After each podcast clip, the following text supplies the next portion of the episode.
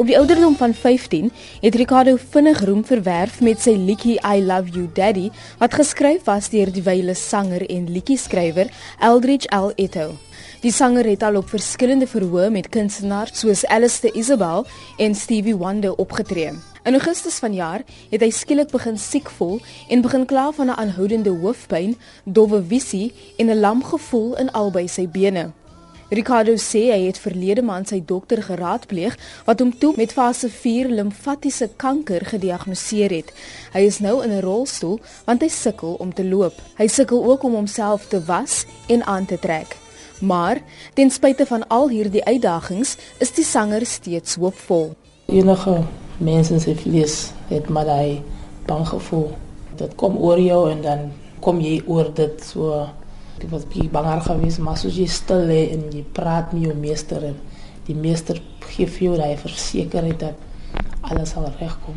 Weet ek dat uh, daar is nog 'n groot toekoms vir die musiekwêreld vir my en vir dis wat ek agterlaat.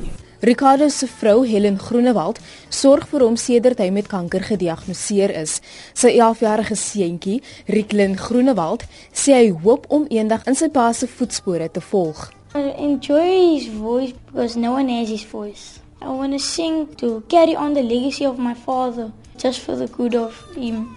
'n Vriend, Julian Klassen, sê Ricardo het deur sy musiek baie lewens aangeraak. Ons kan altyd net die lied I Love You Daddy gebruik as 'n wegspringplek, want dis die lied wat die nasie ken. Die nasie sing dit. Ricardo se musiek deur hierdie lied dink ek het ons gemeenskappe verander. Nie net verander nie, ons gemeenskappe gevorm. Das gebroke huise, gebroke huwelike, gebroke verhoudings tussen paas en seuns en maar ek dink hierdie lied is so kragtig dat dit die brug tussen ons mense het dit verwyder. Vriende van Ricardo sê hulle sal volgende maand 'n huldeblyk konsert in sy eer hou. Ek is Lynn Arendse in Kaapstad.